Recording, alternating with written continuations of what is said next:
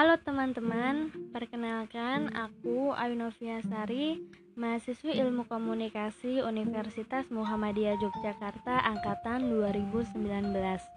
Selamat datang di podcast ini aku. Podcast kali ini aku akan membahas mengenai lembaga penyiaran di Indonesia.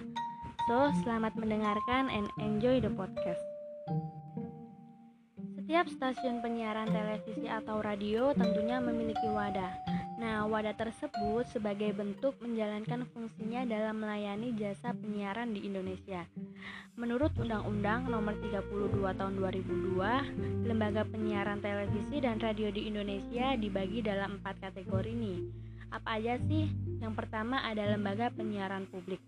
Dalam pasal 14 ayat 1, lembaga penyiaran publik adalah lembaga penyiaran yang berbentuk badan hukum yang didirikan oleh negara bersifat independen, netral, tidak komersial, dan berfungsi memberikan layanan untuk kepentingan masyarakat.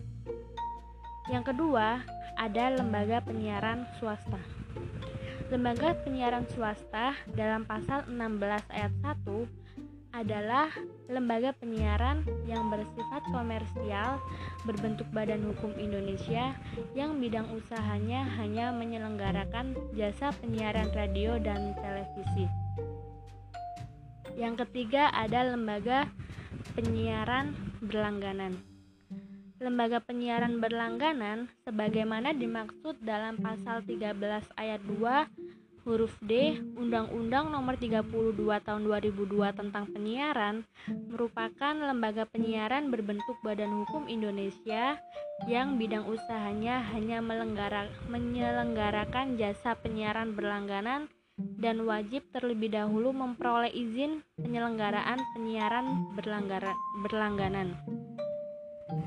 Yang terakhir nih teman-teman, ada yang namanya lembaga penyiaran komunitas lembaga penyiaran komunitas itu apa sih? Lembaga penyiaran komunitas adalah lembaga penyiaran yang berbentuk badan hukum Indonesia didirikan oleh komunitas tertentu bersifat independen dan tidak komersial dengan daya pancar rendah, luas jangkauan wilayah wilayah terbatas serta untuk melayani kepentingan komunitasnya.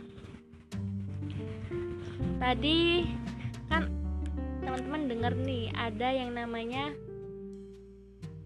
izin harus memperoleh izin terlebih dahulu nah untuk dapat mendirikan stasiun penyiaran di Indonesia baik itu televisi ataupun radio perorangan ataupun korporasi harus memiliki surat izin atau lisensi yang merupakan hak untuk menjalankan operasional stasiun penyiaran.